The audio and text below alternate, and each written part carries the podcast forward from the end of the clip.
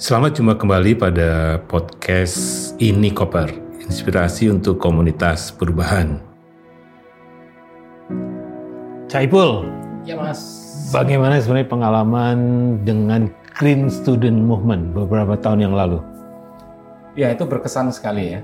Bagaimana saat itu kondisi Walhi dan kebanyakan organisasi gerakan sosial khususnya lingkungan hidup itu sumber dayanya terbatas. Kemudian dukungan dari anak-anak muda itu juga kecil dan keterlibatan mereka juga tidak banyak yang membuka ruangnya.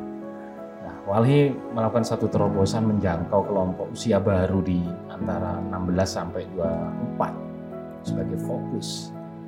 Itu prosesnya berkesan sekali karena bagaimana anak muda ini tiba-tiba bisa kita ajak untuk bagian menjadi gerakan sejak dari belajar bersama, training yang menyenangkan, kemudian merancang aksinya.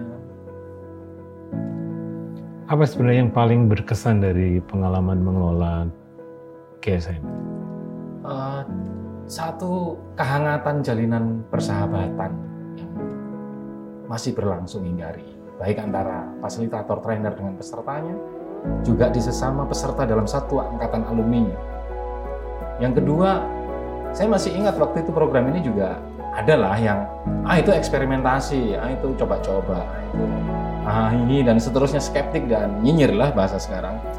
Dan uniknya di luar pengiraan uh, hampir di 40% pada medio kepemimpinan dua periode terakhir di Walhi sendiri secara nasional kan angkatan-angkatan GSM mengambil inisiatif dan melekat dengan apa yang dikerjakan oleh Wana Lingkungan.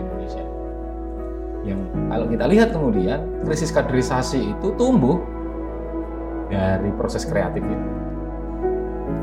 Satu kata atau satu pesan gitu ya, yang sebenarnya pelajaran apa yang paling penting dari percobaan atau uji coba GSM beberapa tahun yang lalu? Kepemimpinan, Mas. Satu bahwa semua orang bisa menjadi pemimpin dan punya peluang untuk mengambil inisiatif sebagai kepemimpinan. Perubahan tidak bisa dirancang yang begitu linier untuk disimpul-simpulkan di saat melakukan bahwa orang akan berdialektika dengan prosesnya. Terima kasih Cak Ipul, sangat inspiratif ya bagaimana kita memulai Green Student Movement. Ya ada hasilnya dan kelihatan bahwa beberapa menjadi leaders ya di komunitasnya. Sampai jumpa lagi. Terima kasih Mas, sampai jumpa. Demikianlah obrolan singkat dengan Cak Ipul dari Republik Dolanan dan sampai jumpa pada edisi Ini Koper berikutnya.